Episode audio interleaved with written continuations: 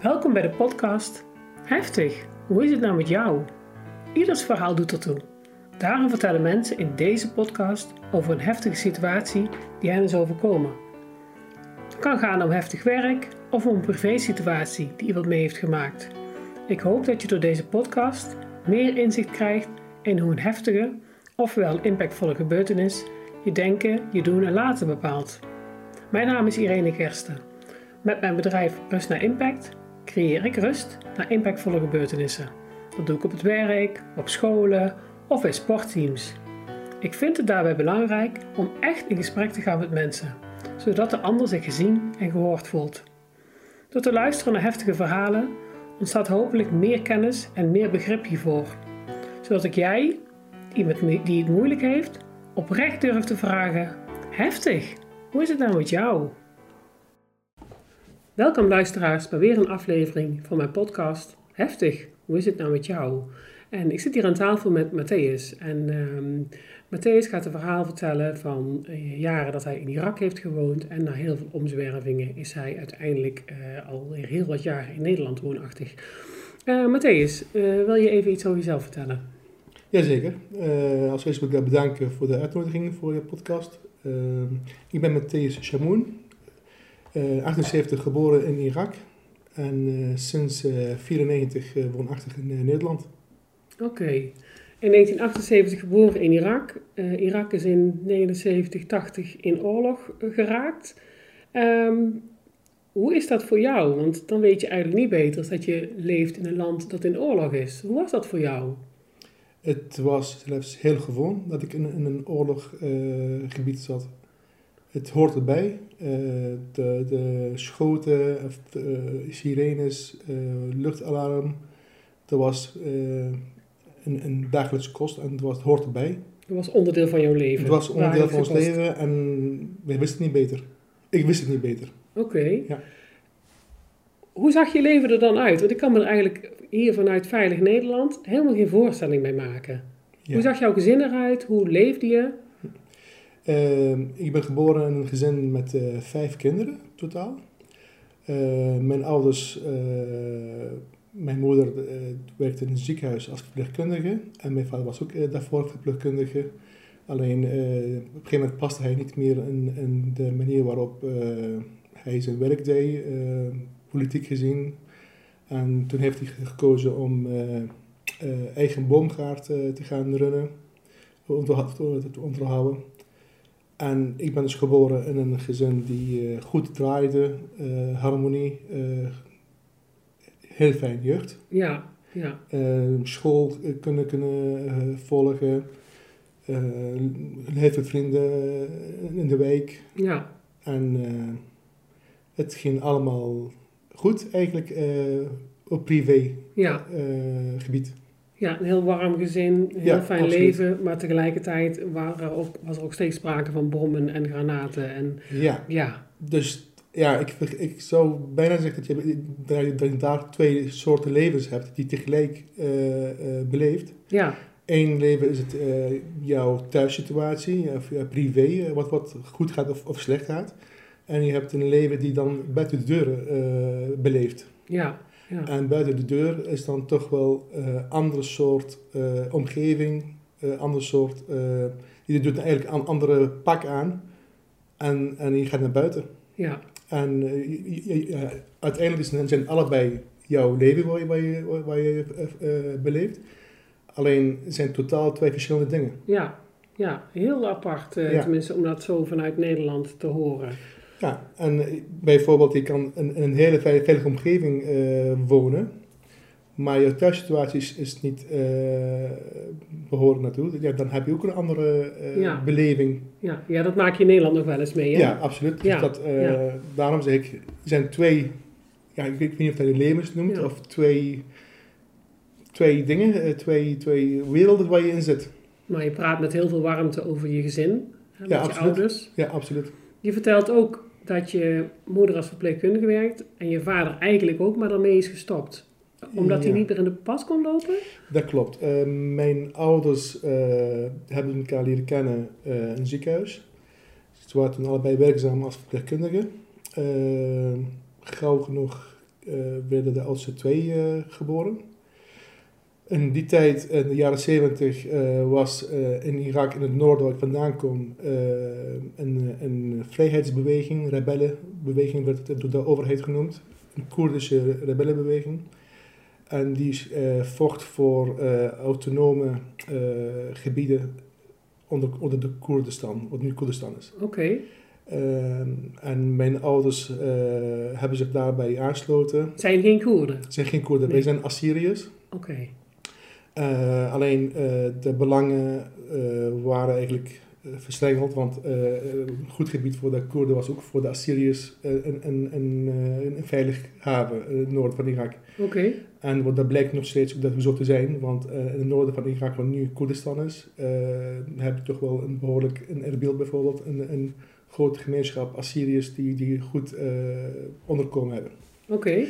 Eh, en mijn ouders hebben toen de tijd zich aangesloten bij de rebellenbeweging als hospik.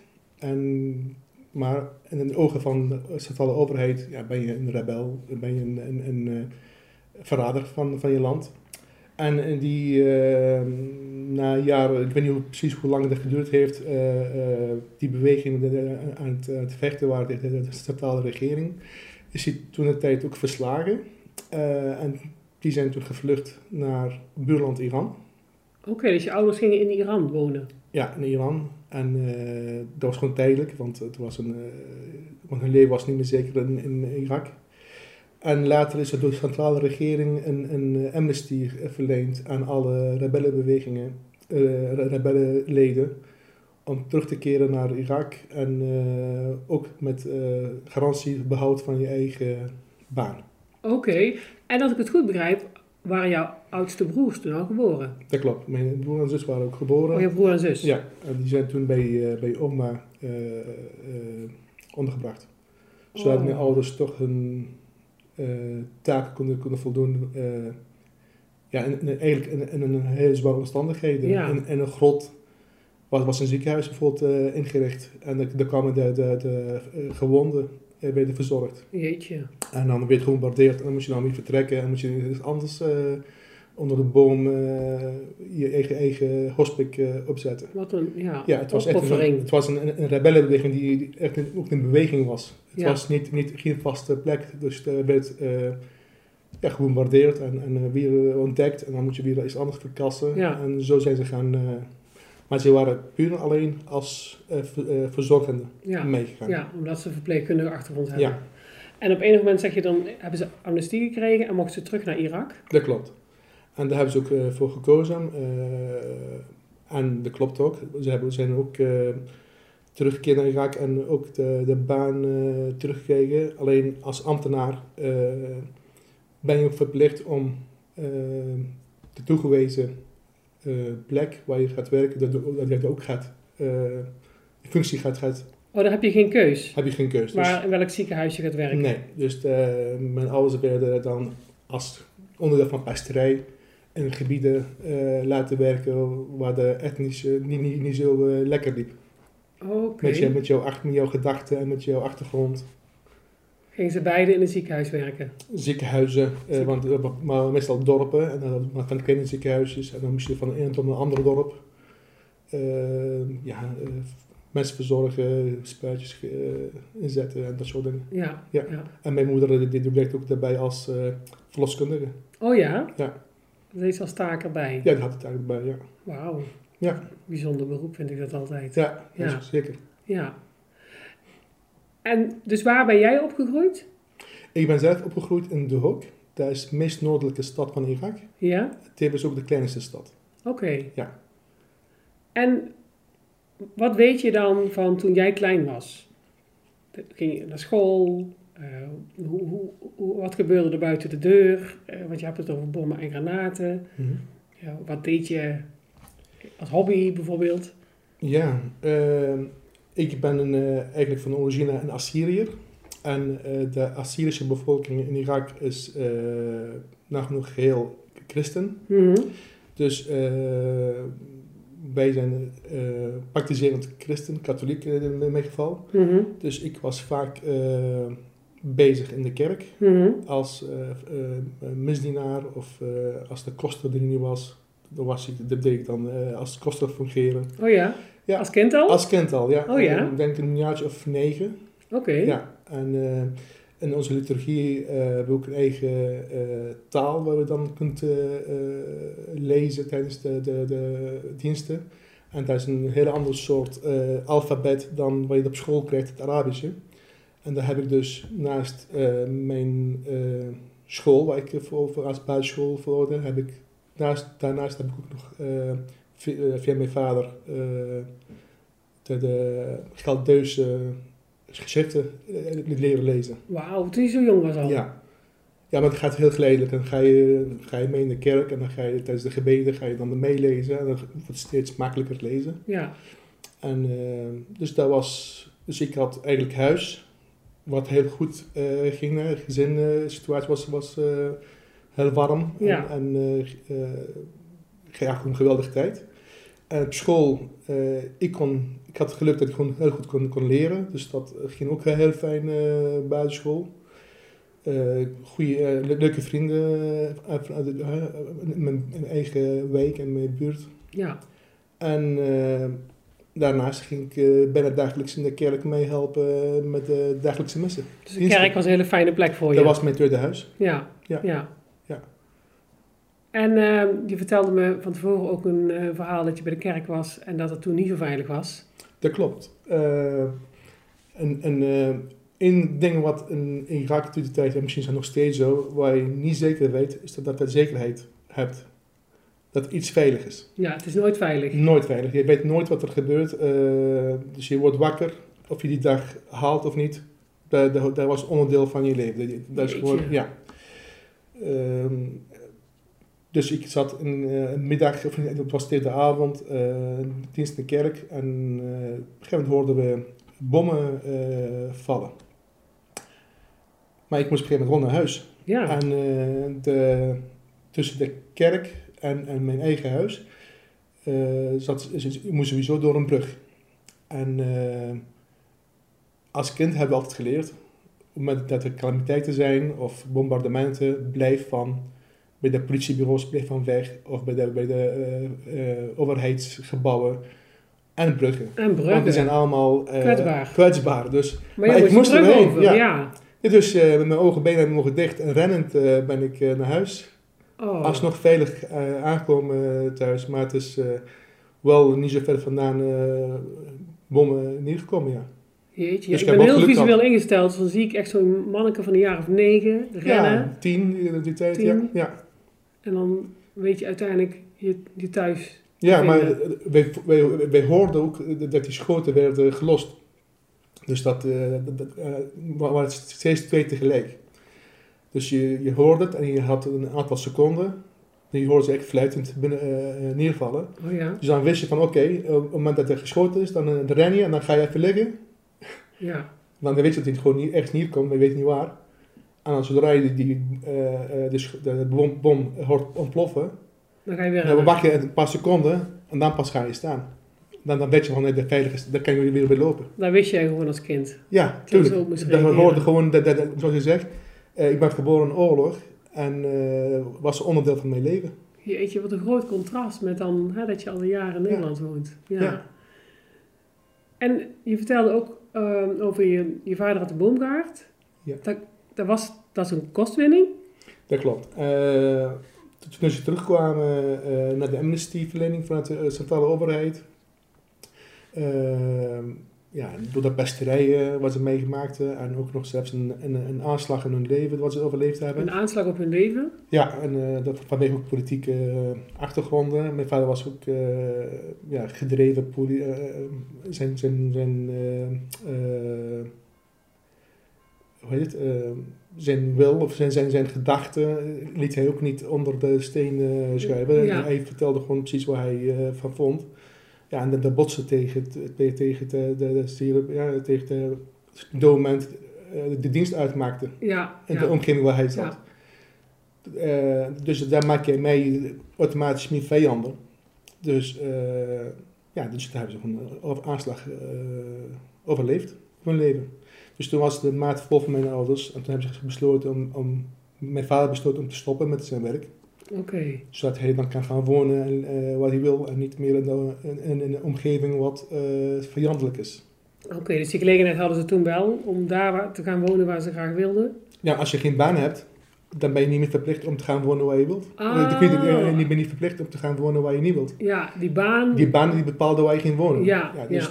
Mijn vader die dacht van dan ga ik een boomgaard beginnen. eh, grond wat al van, van opa was. En die heeft hij verwerkt en bewerkt en uiteindelijk een boomgaard van gemaakt. Oké. En met, suc- met succes eigenlijk. Ja? Jazeker. Eh we hadden, hij had toen de tijd, eh, was best vooruitstrevend. Die had bijvoorbeeld grondwater uit grond eh, gehaald. Wat, wat eigenlijk een dorre omgeving was. Oh ja.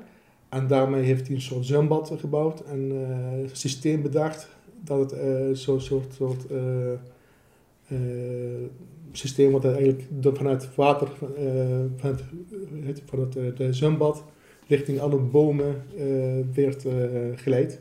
Oh, En wij konden bijvoorbeeld in die tijd, in de zomertijd, gingen we samen met het hele gezin helpen met oogsten. ja. En we begonnen meestal rond een uur of zes in de ochtend. Van van een uur of tien, elf, dan wordt het zo heet, dan kun je bij niet meer werken. Dus, Oh ja? ja. Oh ja. Dus dan hadden wij eh, de, de, de oogst binnen. Dan gingen wij als kinderen in een zwembad zwemmen. Oh ja, dat is wel Het was lekker. heel koud water, het is grondwater, dat is Ja. heerlijk. En eh, als ze klaar waren, dan ging mijn vader naar de veiling met, met eh, fruit. En dan gingen wij eh kranen open van, van een zwembad en ging dan het water richting Ja. de waren naar de veiling. mijn vader naar de veiling, ja.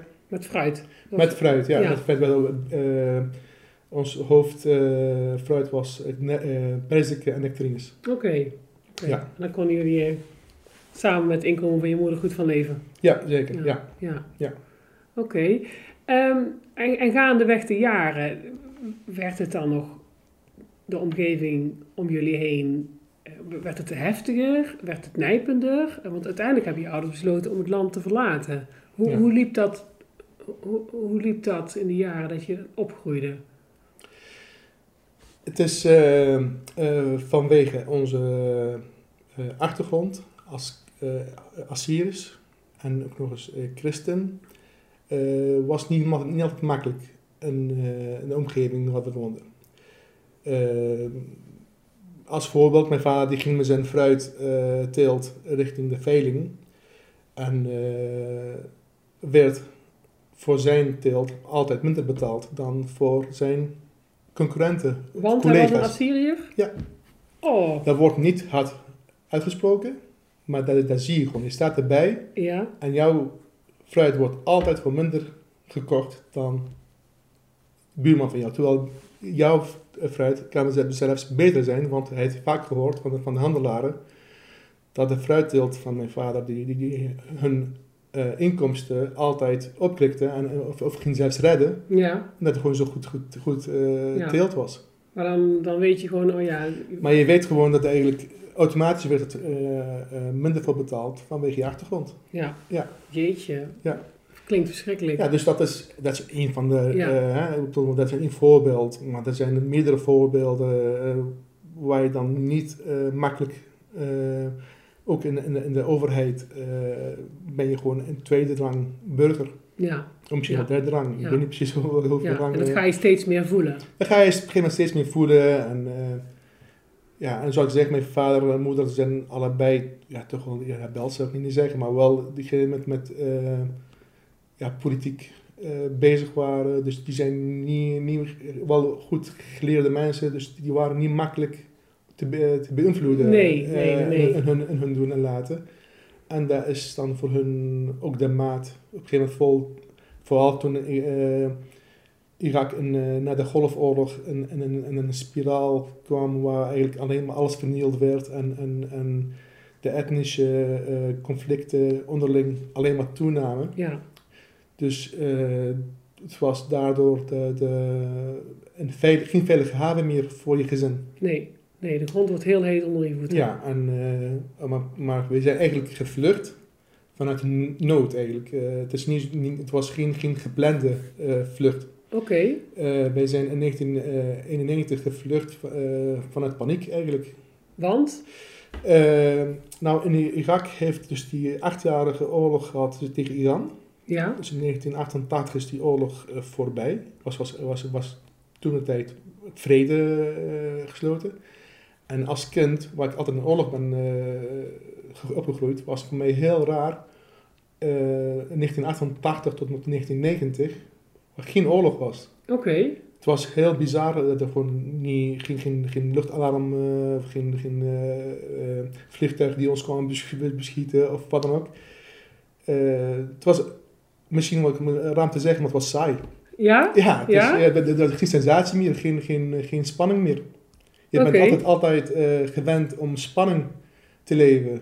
En, eh, en je vlucht altijd met de dood. Ja. En eh, ja, dat was dat niet meer. Dan, dan wordt het een, een, ja, het wordt een, een wat, Ja. wat we hier in Nederland eigenlijk beleven. Ja, ik, ja, ik probeer, ja, ik probeer Ja. het dan zo voor te stellen. Maar ja, ik, ik weet wel dat dingen voor kinderen, eigenlijk alles voor kinderen normaal kan zijn. En dat ja, is ook dat wat wordt jij zegt. normaal. Ja.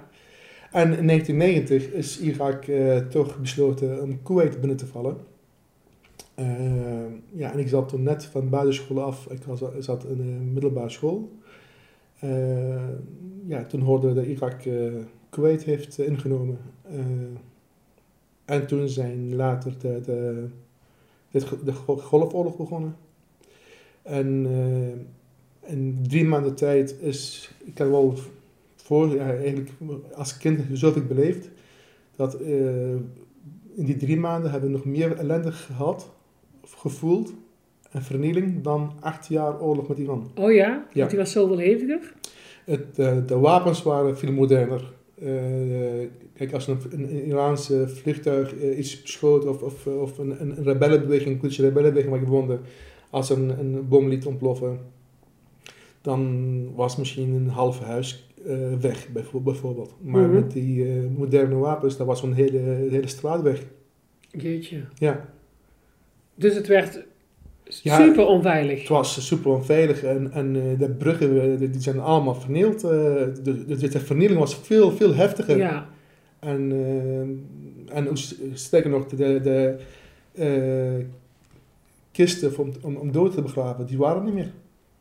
Oh. Ja, en ook de, de, de, vlucht, de vluchtelingenstroom vanuit het zuiden van Irak en van Bagdad, dat die de grootste doelwit waren, die zijn heel vaak naar Duhok, waar ik vandaan kwam, wat de meest veilige stad was.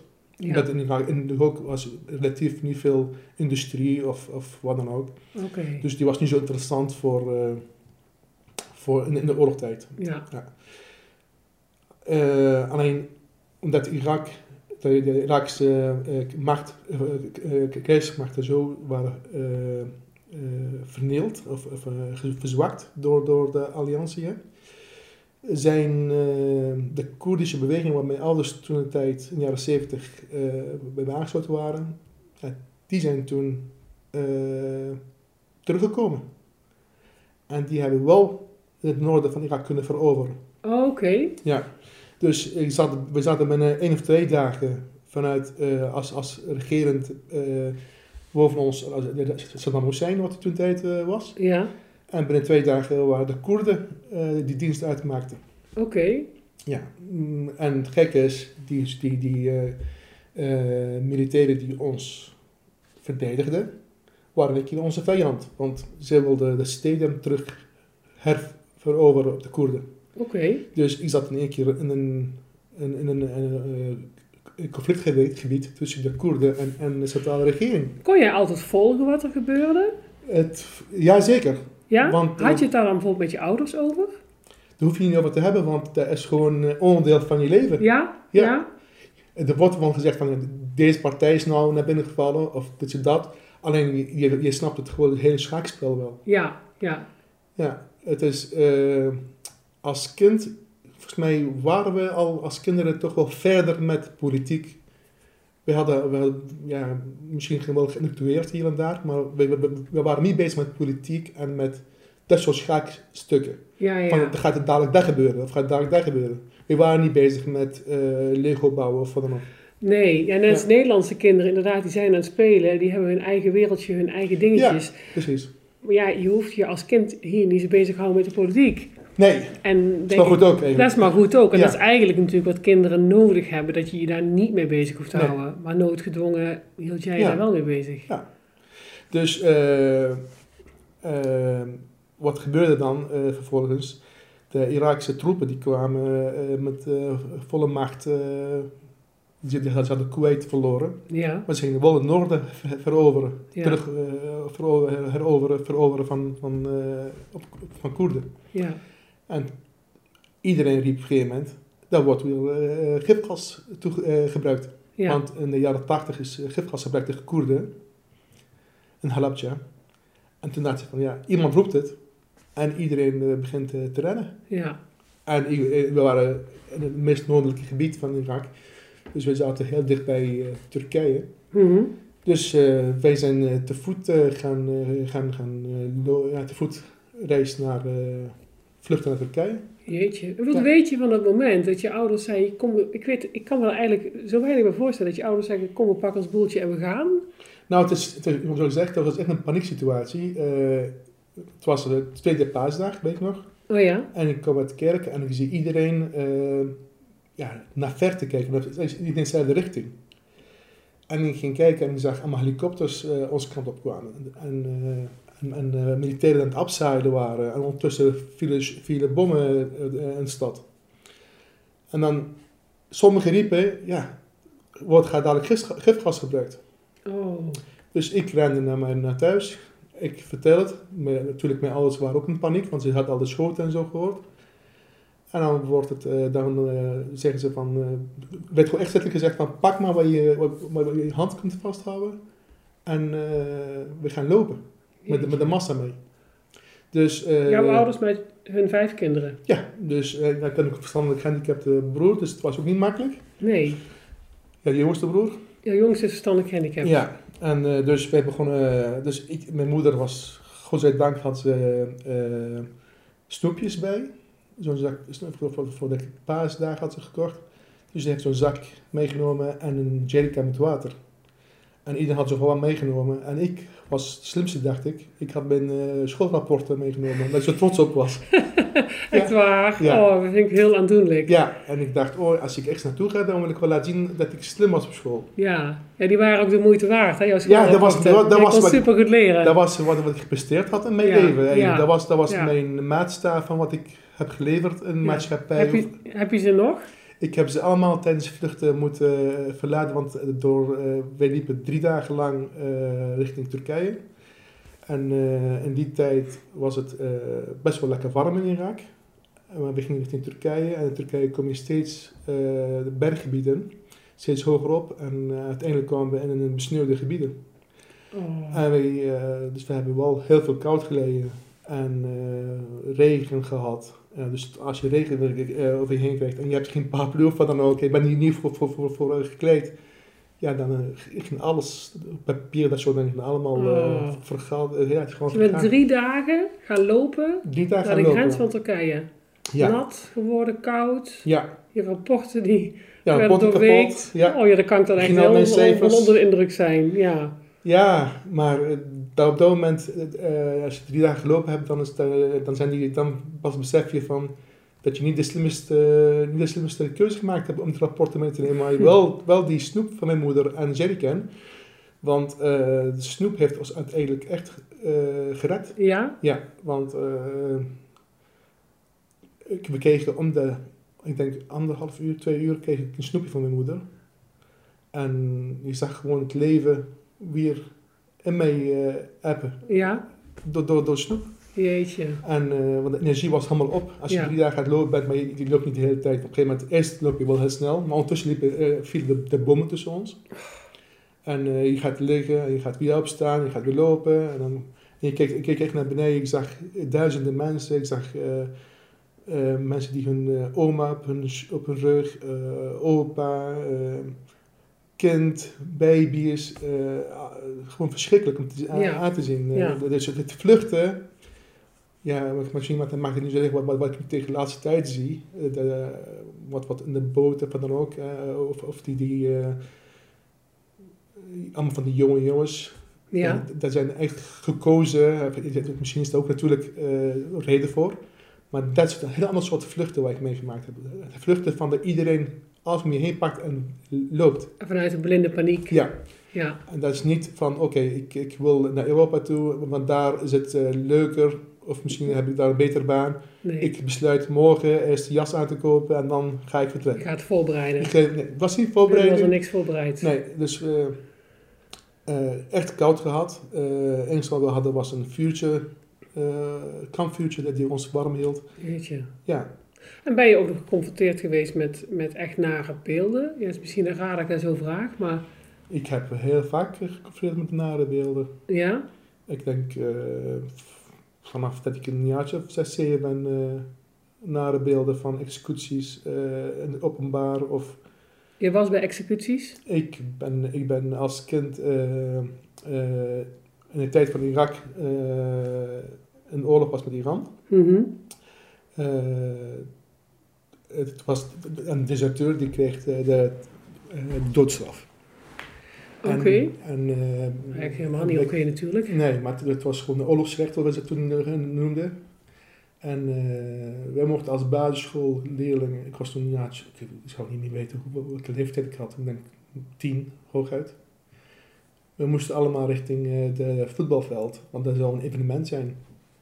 Maar niemand wist wat. En uiteindelijk komen alle scholen, alle ambtenaren van, van, eh, van het ziekenhuis of, of, of eh, gemeentehuis. eh, en die wordt daar gedwongen om naartoe te gaan. En uiteindelijk kom je terecht in een, in, in, in, in, in, openbare executie. En dan ging je met je schoolklas heen? Ja. En, dan- en dan moesten we kijken hoe, hoe zes of zeven personen aan een paal eh, geblinddoekt, vastgebonden, eh, doodgeschoten worden, eh, werden. Jeetje, wat Ja. heftig. Is en dan, in- hoe kom je dan... Want dit, dit gaat weer over hè, toen je weer wat jonger was, Ja. zes, zeven jaar. Maar je vraagt of, of ik, of Ja, ik, of ja. ik nare beelden Ja. heb gezien. Ja, dat zijn nare beelden. veel, en, ja. en nare beelden van eh, tijdens de, de, het vallen van bommen tussen ons toen aan Ja. het vluchten waren. Ja, Dus we liepen echt met, met honderden, misschien wel duizenden tegelijk richting berg op. En de bommen vielen echt letterlijk tussen ons. jeetje. Eh, en, en, maar wij, wij, wij, wij- hebben geen, geen, geen studie voor gehad, maar we wisten wel als het moment dat jij eh bom hoort vallen, dat is een soort, soort fluitend geluid, dan moet je gaan liggen Ja, je hoofd eh, beschermen. En dan op het moment dat je de- een ploffing hoort, de boom hoort, mhm, ja, dan gaat het goed. Want mhm, dan heb je het overleefd. ja. Dan moet je even een paar seconden wachten, de scherven zijn weggevlogen. En dan sta je op en dan loop je. En dan zie je hier en, hier en daar mensen liggen. En je loopt, je loopt wel door. Oh. Ja. En hoe werd daar thuis mee omgegaan? Kon je het daarover hebben? Het is zo ontzettend groot. Daar, daar wordt natuurlijk over gehad, maar het, is, het was niet, niet iets eh, dat je zegt van ik maak nou iets mee wat, wat niet normaal is. Nee, het was normaal. Ja, zo, zo eh, or- heb ik het ervaren eigenlijk als kind. Ja, Misschien voor mijn ouders was het niet zo, nee, maar voor mij wel. ja. Omdat ik dat niet anders wist als kind. eh, ja. Maar een, een, wat, wat, wat nog een, een eh, voorbeeld is, toen wij in eh, Turkije aankwamen als vluchteling, werden wij eigenlijk in zo'n verzamelkamp, gewoon een gebied waar we niet, niet, meer- niet meer uit mochten. En daar werden bijvoorbeeld hulpgoederen, mondjesmaat, naar binnen gereden. Maar er kwam bijvoorbeeld de VN, die ging eh soort voedselpakketten. Met zo'n parachute, met zo'n zo'n mand, grote mand. En dat werd dan eh, gedropt. Ja, En, eh en daar, werd, er zaten bijvoorbeeld slaapzakken in, of, van die astronauten eten, ja, blikjes vlees of wat dan ook.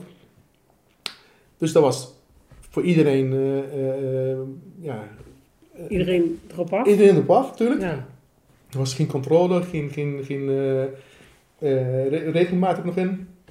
Dus ik ren naartoe, was eentje heel dicht bij, bij ons eh, neergekomen. En ik ga naartoe en wat er gebeurde was, ik zag gewoon de, de gendarmerie, Turkse gendarmerie, die mensen dood, doodschiet. Zodat ze die dingen hebben beschermen, eh, de, de, de voedselpakket. En dat hebben ze voor zichzelf gehouden. Dus Het was gedropt voor de bevolking, voor, voor, de, voor de vluchtelingen. voor de vluchtelingen. Maar dat werd door de Turkse militairen voor zichzelf gehouden. Oh, Ik en stond- er werden mensen doodgeschoten. Ik heb het voor mijn ogen gezien.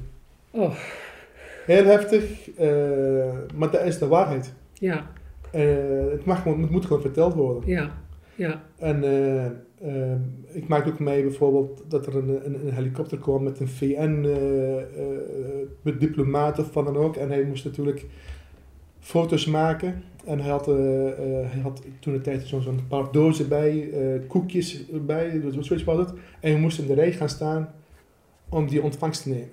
En eh daar werden foto's gemaakt. Toen de foto's gemaakt waren, stapte hij weer in zijn helikopter en hij was weg. En hij geeft die kisten geeft hij door aan de militair. Oh, En die militair, toen het vliegtuig was eh, gevlogen, die schiet op de grond, iedereen wegwezen hier. En dan Oh. neemt ze, dan neemt ze de kisten mee. dus het was gewoon poppenkast dat Ja. hij met koekjes kwam. Ja.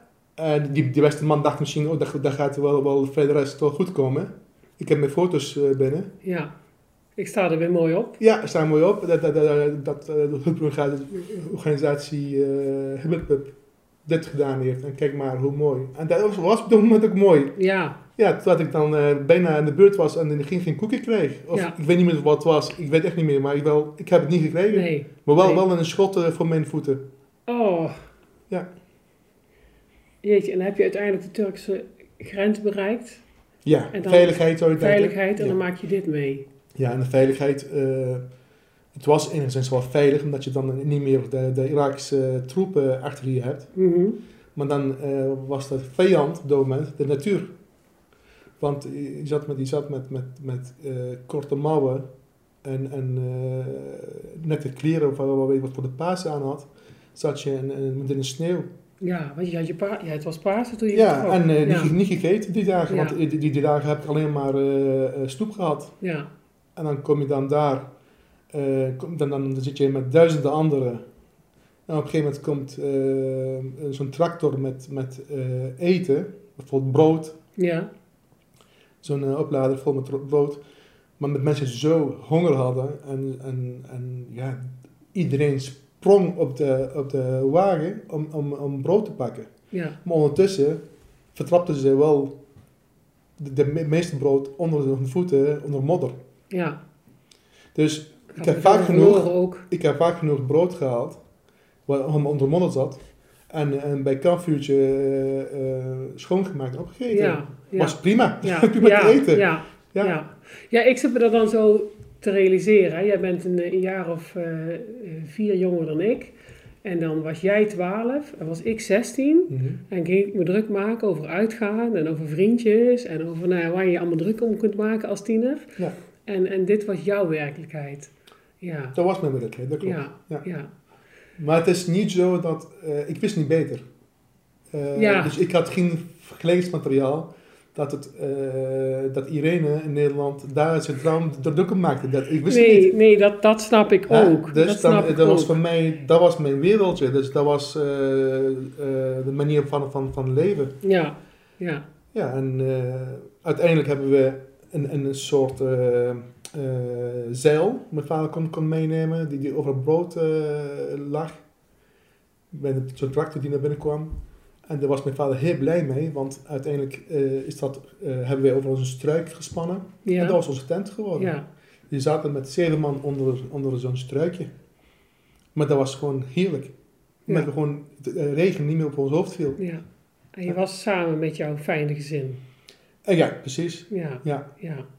Jeetje, ja, ik ben heel erg onder de indruk van jouw verhaal. En eh hè, het gaat over de eerste twaalf jaar van jouw leven. Hè, tot uiteindelijk dat je bij die ehm, Turkse grens bent. En dat je daar met, met jouw gezin samen bent.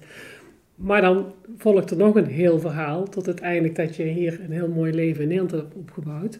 Ehm, maar ik wil mijn podcast graag opknippen in, eh, in twee delen. Want eh, anders denk ik dat het te lang zijn. Dus ik wil jou uitnodigen voor een tweede aflevering. Waar ik met je in gesprek ga over hoe jouw leven verliep vanaf zeg maar, de Turkse grens tot waar we nu zitten in jouw eh, fijne huis. Waar jij woont met jouw vrouw en fantastische kinderen.